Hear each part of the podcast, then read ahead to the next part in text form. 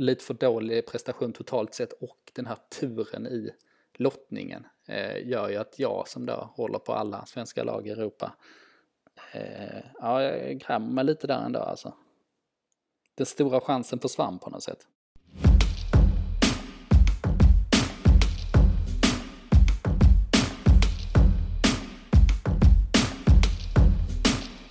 Fotboll Stockholms podcast är här. Det här är avsnitt 43.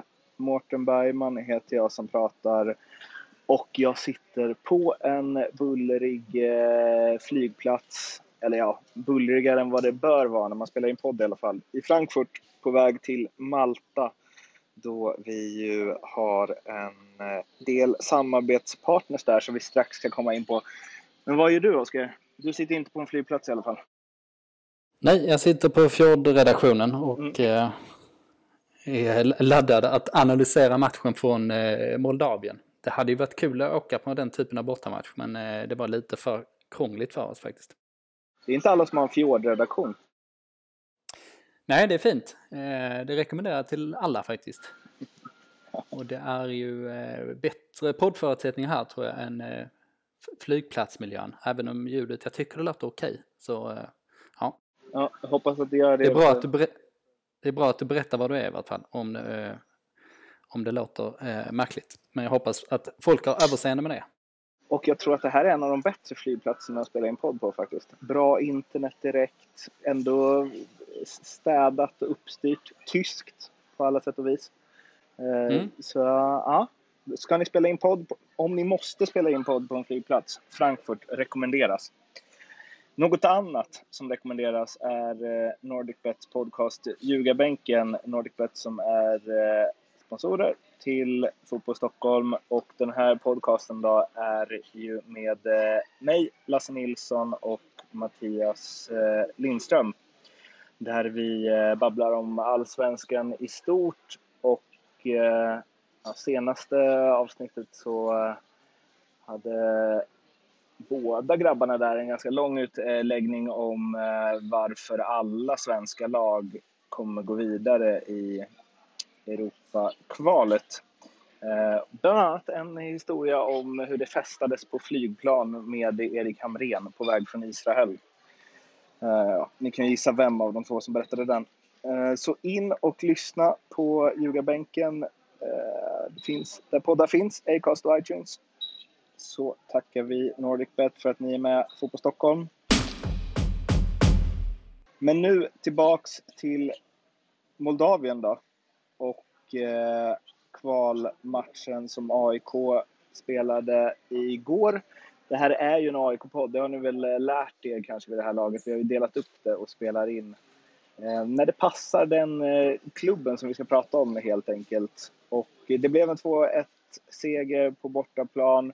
Sigthorsson gjorde ehm, ja, ett och ett halvt mål, kan man väl säga. Ja, ungefär. Ja, innan eh, eh, sherifferna reducerade på straff. Och eh, Oskar, 2-1 borta är ju förstås ett bra resultat. Men, eller? Eh, ja, lite så. Eh, det viktiga är ju såklart resultatet och 2-1 är ju ingen garanti för att gå vidare men det är ju otroligt stor AIK-favör nu såklart. Ehm, men matchen var ju inte så jättemycket att hänga i granen. Ehm, det var eh, ett sämre Sheriff än jag trodde. Jag trodde ändå att de skulle hålla lite högre kvalitet. Ehm, framförallt överraskades jag av hur det såg ut i början. Det måste du noterat också hur de eh, eh, blev låga hur passiva de var. Men Alltså, jag tycker det är svårt också vad man ska vad man ska förvänta sig och vad man ska förvänta sig av AIK i ett sånt läge. Att liksom... Ja, AIK har ju spelat på eh, ja, men sin styrka som ju är defensiven. Och det i sin tur medför ju ofta att, eh, i alla fall på bortaplan, att det andra laget får någon form av taktpinne. Uh, eh, alltså jag vet inte, det blev, det blev ju konstigt att de inte fick det.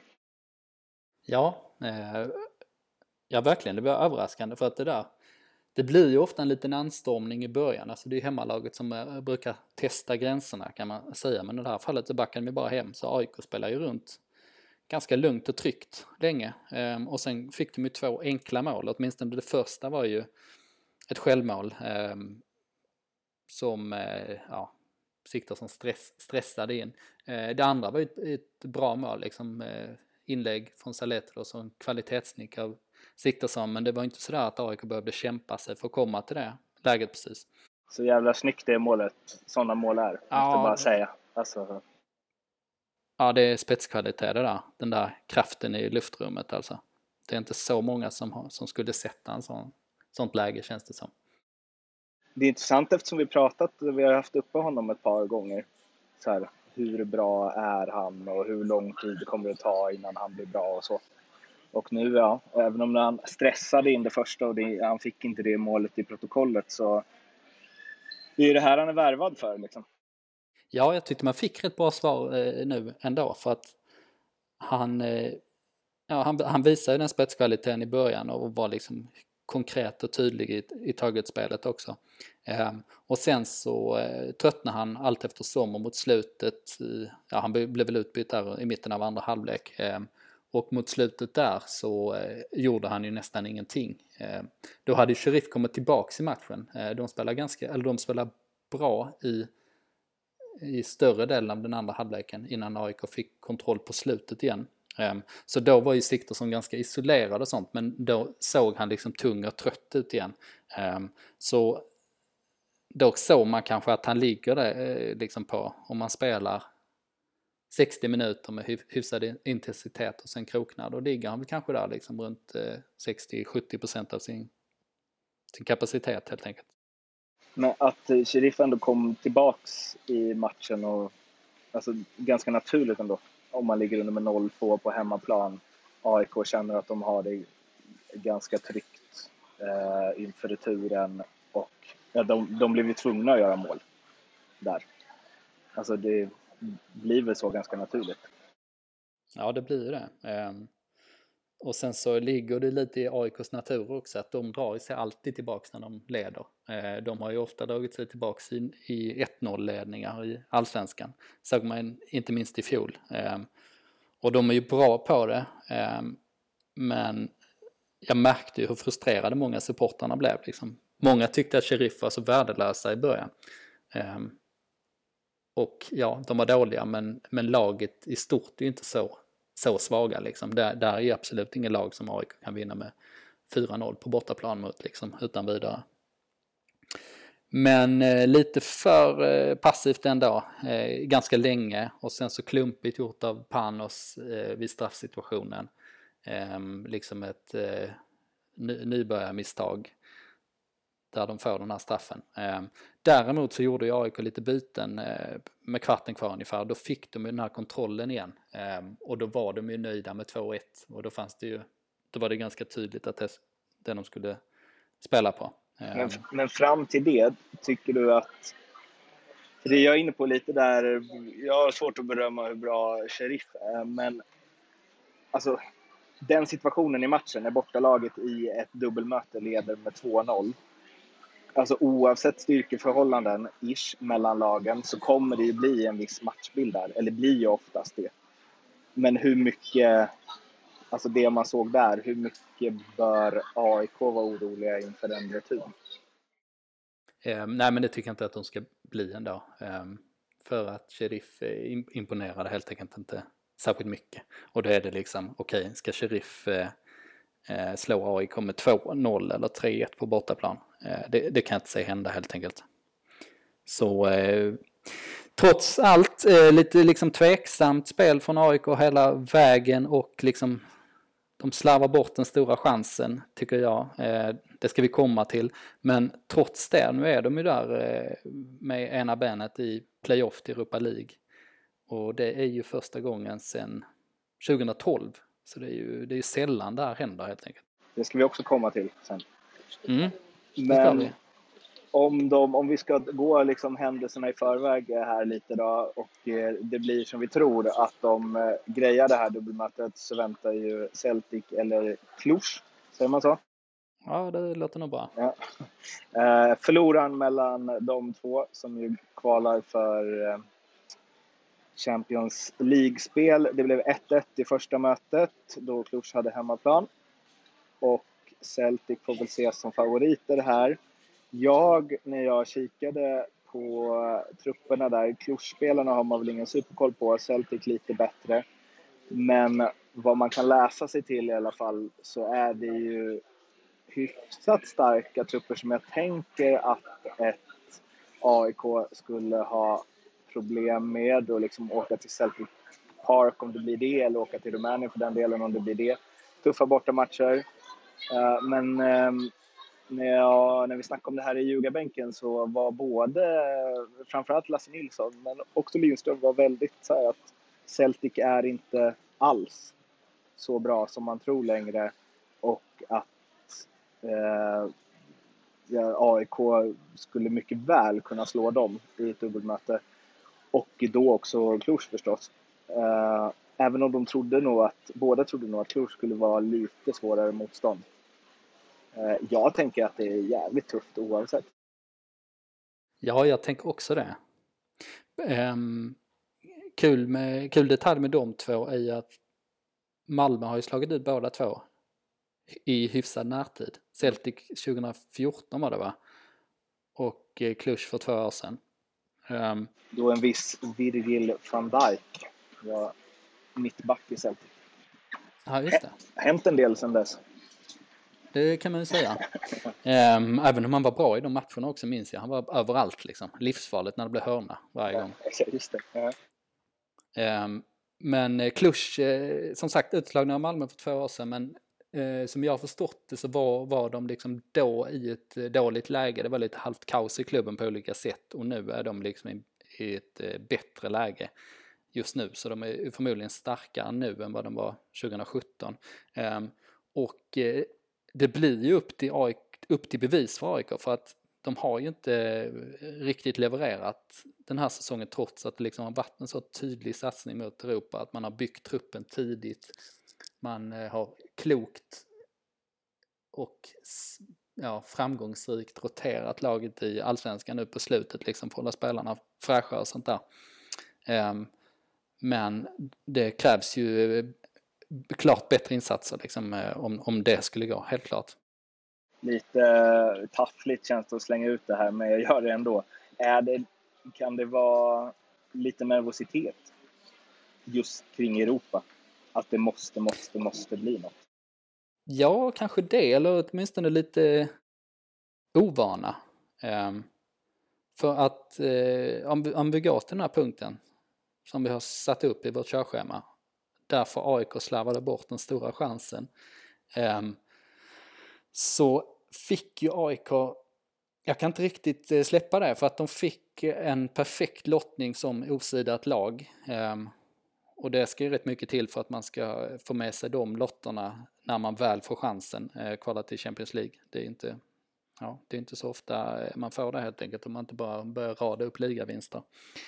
Ehm, och eh, Rosenborg som mötte Maribor nu åkte ju ner dit till Slovenien, vann med 3-1. Inget snack. Eh, Rosenborg är väl kanske inte bet ett bättre lag än AIK. Det är kanske ganska jämna styrkeförhållanden mellan dem. Men Rosenborg har ju den här rutinen i Europasammanhang.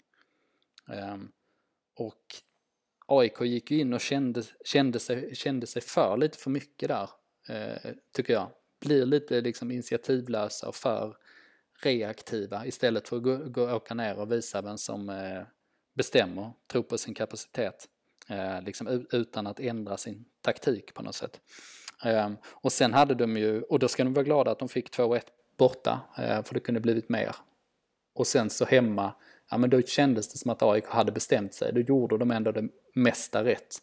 Men hade en jäkla oflyt i slutändan där liksom. Den matchen hade de kunnat vinna på väldigt många olika sätt. Jag tror till exempel bara en sån sak som att Omobasi, som såg riktigt fin ut i början, hade spelat hela den matchen, hade det kunnat sluta annorlunda och sen så var det ju en insida stolpe och sen så i förlängningen, ja, de släppte in den sista bollen med tre minuter kvar sådär liksom. Um, så oflytet där i kombination med för, lite för dålig prestation totalt sett och den här turen i lottningen eh, gör ju att jag som då håller på alla svenska lag i Europa, eh, ja, jag grämer mig lite där ändå alltså. Den stora chansen försvann på något sätt. Vilket ju någonstans gör att om de inte hade grejat Europa League så blir det på något sätt ännu värre. Alltså Exakt. än om man bara hade åkt så det sjöng om det mot ett lag som var mycket bättre. Och då blir, då blir det någonstans en så här, ja vi, vi har ändå Europa League-chansen nu, vilket väl hade varit rimligt. Nu blir det som så här, vi klantade bort eh, något som kunde lett till en Champions League-grupp eller åtminstone en mycket enklare väg in i Europa League. Eh, och då gäller det att vi åtminstone gör det bästa vi kan av det här. Ja, precis. Och... Eh... Jag tror de är pressade alltså. Eller jag tror, ja, det tror jag också. överlag. Alltså inte bara så spelarna, alltså Sebastian Larsson kan väl hantera det. Men jag tänker klubben i stort. Att de har slagit på stora trumman och det ska bli Europaspel och det är viktigt för ekonomin och det är så här, ta upp kampen mot Malmö över tid och så vidare. Och sen så har man satt sig i den här situationen. Ja, ja verkligen. Ja, det är ett kritiskt läge på så sätt. Ehm, för att eh, det är ju eh, svårt såklart nu att ta sig till eh, Europa League och allsvenskan är ju superjämn liksom. Så båda dörrarna är fortsatt öppna. Alltså teoretiskt sett skulle det ju kunna bli Europa League plus en vinst i allsvenskan. Ehm, men det skulle ju faktiskt också kunna bli restpass nu och sen missat Europaspel till nästa år. Jag tror att AIK kommer greja det men det är liksom det är ju ingenting som AIK kan eh, räkna hem, ens liksom en Europaplats, när eh, eh, de konkurrerar med lag på framgång. Det kan, det kan ju bli en hel skiftning i så här, mot hur det var förra året, i feeling i, i Stockholmsfotbollen. Skulle kunna bli så. Så, eh, nej, och det finns inget, eh, nu, nu menar, nu hade de ju otur på slutet liksom och det är ju sånt som kan hända såklart. Eh, att man, alltså Maribor är ju inget uselt lag, det är ju inte det. Ehm, men det finns inga ursäkter den här gången för att AIK inte ska prestera på sin högsta nivå i Europa. Utan nu har ju satsningen gjorts för just de här tillfällena. Så om vi då utgår från eh, att det blir avancemang mot Sheriff så är det verkligen upp till bevis i de här stora matcherna. Liksom. Hur långt har AIK kommit? Är de klara nu liksom? De borde vara det inför returen mot eh, Sheriff så händer det ju grejer med ehm, eh, ja, ståplatsreducering. Våra kära vänner polisen tänkte jag säga eftersom vi bevakat dem så mycket. Men eh, det dras ju ner på några stå. Kapaciteten kommer vara 2750 personer istället för eh, 4000 och vi snackade lite innan vi eh, drog igång inspelningen här att du tyckte det, det minnas att det har varit upp mot 7000 där i början på Friends. Och det är ju en enorm skillnad. Ja, verkligen. Um, och eh, som sagt, i år har det varit 3500 eller 4000. Eh, men 4000 kan man beräkna som någon slags normalkapacitet just nu. Eh, å andra sidan, liksom i fjol mot Sundsvall, då var det 5000. Eh, och som sagt, jag har för mig att det var upp mot 7000 då precis när man i början på eh, Friends Arena och de matcherna där. Det var i alla fall över 6000. Um, ehm, och det är ju en, eh, ja som du säger, det är ju en jäkla neddragning man gör här.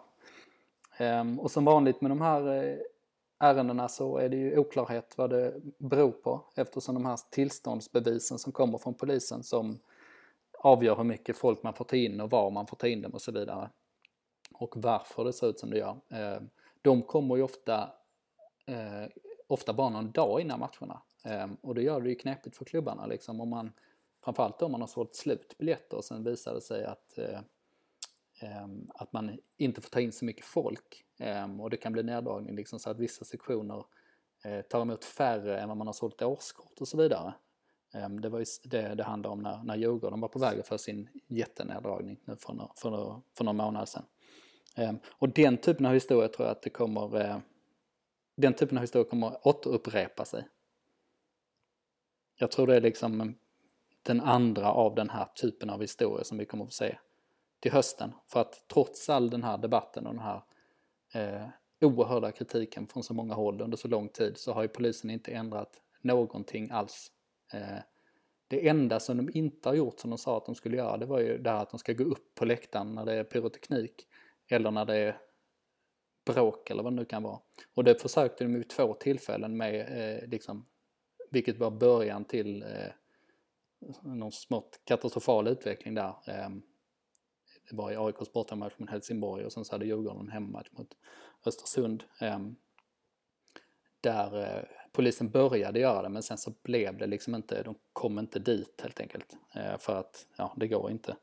Ehm, så det har de inte gjort så som de ska göra men, liksom, men eh, det finns inget beslut som säger att de inte ska göra det. Alltså direktivet kvarstår ju. Ehm, och villkorstrappan kvarstår. Och det verkar bara som att man kan gå ner på trappan, det vill säga att man kan få hårdare inskränkningar. Man kan liksom inte gå upp på den om det sköts bra. Ehm, så eh, ja, det är fortsatt knepigt det där. Å andra sidan har ju inte vi heller sett tillståndet nu, så vi vet ju inte exakt vad detta beror på. Ehm, AIK fick höra muntligen att det beror på nödutgångar, att de ska vara blockerade, att det stått folk i de utrymmena. Ehm, men eh, vi vet inte om det är hela förklaringen än så länge. Nej. Um, men sett till uh, Maribor-matchen så är det ju, även om det kanske inte kommer, ändå inte hade blivit samma tryck på den här så uh, trist när de ändå gick så hårt för att så här, det är viktigt att skapa en stämning, eller så här, i Europaspelet och vi har ju snackat om det tidigare, lite så här, vi mot dem-grejen som Malmö fick till Eh, och som AIK också fick till där och nu bara slås den, de benen undan direkt. Ja, lite grann blir det så. Nu var det ju på den matchen eh, var det mycket pyroteknik på läktarna och då är det ju eh, om man ser till hur den här villkorstrappan är utformad så är det, det är kanske det verkar ju mer logiskt då att det ska bero på att man kör en kollektiv bestraffning när det är pyroteknik. Ehm, det limmar med hur, hur polisen har bestämt att de reglerna ser ut. Eh, å andra sidan har inte det varit, funnits någon konsekvens där alls eh, eh, sen tidigare.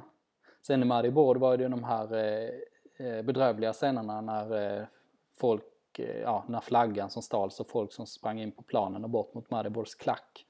Ehm, och det kommer jag att få ett hårt straff förmodligen, det kanske blir tomma läktare till och med, eh, från Uefa. Men det är ju liksom, det har jag lite svårt att se eh, att det hänger upp med polisens bedömning. Eh, de, det har AIK åtminstone inte fått några besked om att det skulle hänga ihop med i, i detta fallet. Så, eh, men det är ju som, som vanligt en gissningslek och sen när tillståndet kommer så lär det kvarstå ett antal frågetecken eftersom det inte finns någon liksom, logik eller konsekvens i de här systemen.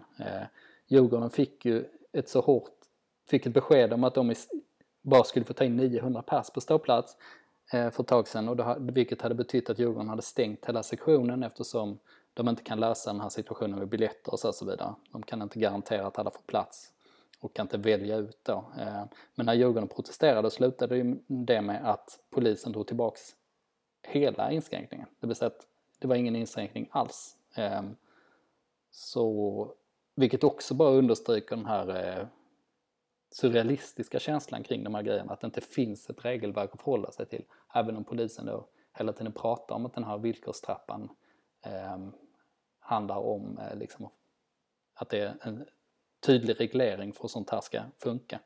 Oavsett kapacitet på några stå under den här matchen då så gäller den ju alltså Eh, ett avancemang till en avgör, ett avgörande playoff mot Celtic eller Cluj som vi var inne på.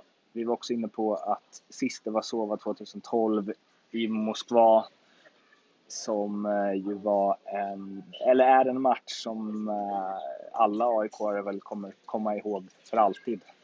Det känns som stora ord, men det är det ju inte. Det är väl exakt så. Ja, det var ju bragdens mamma det där.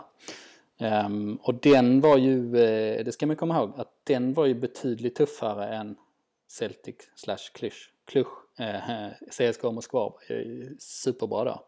Och AIK hade ett ungt orutinerat lag som liksom inte, till stora delar i alla fall, men det var inte alls byggt som det här laget liksom för att prestera här och nu. Um, så jag menar, det är klart att det finns eh, möjligheter att ta, ta det större lag i Europa liksom. Konstiga saker har hänt. Vi kommer att prata mer och minnas mer kring Moskva-matchen eh, när, om AIK tar sig vidare, vilket vi tror att de gör. Du, eh, har du smsat något med Nabbe? ja, eh, jag har ju det, men han har inte svarat. Jag antar att han sitter på ett plan från Moldavien nu. För att eh, han har ju varit rätt snabb på knappen nu annars. Så jag, jag vill ju ha en kommentar om debuten. Um, han hoppar ju in uh, på slutet där och uh, ja, han hade ju inte så många bollberöringar men ser fitt ut alltså.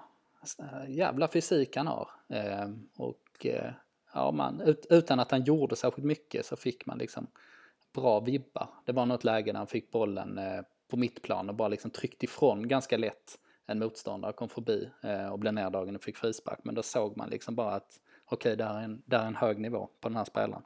Nabbe 3.0. Exakt. Jag kanske ska, kanske ska ändra mina flygplaner och se om jag kan, vad säger man, genskjuta honom eh, med något flyg här om vi, om vi har bråttom med kommentarer. Man brukar ju landa där i Frankfurt ju. ja. Om man ska liksom till Östeuropa och där omkring så. Ja. Men jag ska ta en sväng innan jag bordar och se om, ja, jag om jag kan dra ihop det snabbare än vad du kan. Vi har inte tid att vänta på att folk ska landa. Helt enkelt. Eh, så jobbar Fotboll Stockholm. Eh, vi hade tänkt avsluta det här med en lite högläsning, lite ljudbok, men vi skjuter på det till nästa vecka. Men jag vill ändå, jag tycker ändå vi ska tisa lite om vad som vad som ligger och väntar på er i nästa program. Ja, exakt. Ehm, det här är ju tidlöst å andra sidan, så det här, det här är okej att vänta på. Nej, men det är nämligen så att jag har ju fått eh, Bernt Hulskers självbiografi. Min eh, svåger var eh, lite kompis med Hulsker när han spelade IK Start här i Kristiansand. Ehm, så då fick jag boken av min svåger och då bläddrar jag snabbt till AIK-kapitlet. De flesta som lyssnar på det här minns säkert Hultsgård som spelade i AIK 2006 tror jag det var, eller 7. Um, ehm, och uh, där fanns det godbitar. Det fanns, uh, det var anekdotrikt kan man säga. Uh, så den uh, förtjänar, förtjänar sin uppläsning. Som kommer få en episk final med en helt vild anekdot som jag inte hade hört talas om innan. Eh, ganska, ska man säga, den är inte så barnvänlig den här anekdoten. Så den bygger vi gärna upp till. Ja, det känns fint att, vi, att det blir någon form av liten eh, lässtund, bokklubb i slutet av varje AIK-podd framöver. Ja, jag ska läsa på, eh, på svenska tänkte jag. Um, ja. Om det inte liksom finns starka önskemål om att jag ska läsa den på originalspråk. Ska vi inte släppa ett avsnitt där du läser på svenska och ett på norska? Så vi liksom delar upp ännu mer än vad vi redan gjort. Det kan vara extra material. Oskar läser Hulske på norska. Ja, det kan det vara. Jag, har, i och för sig, jag hittade i och för sig en mening här som eh, jag kan läsa upp den i vart fall på norska. Mm.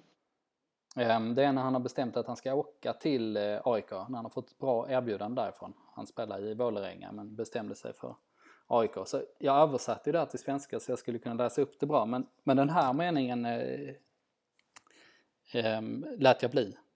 För att den kunde jag inte översätta. Den, den blev så här då. Eh, så jag packet spinnesken och hajkat med en gammal krok i kassebil som skulle över gränsen efter kött. Så bara där på rulleski resten av vägen. Mm. Ja.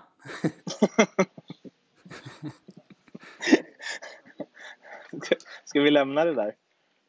Ja, jag tycker det. Ja, vi gör det. Så hörs vi igen om eh, cirkus en vecka. blir lite kortare den eh, här gången. Tills dess, må gott, snacka med oss på Twitter och Instagram och så vidare som ni gör annars med. Ha det fint, hej! Ha det, hej!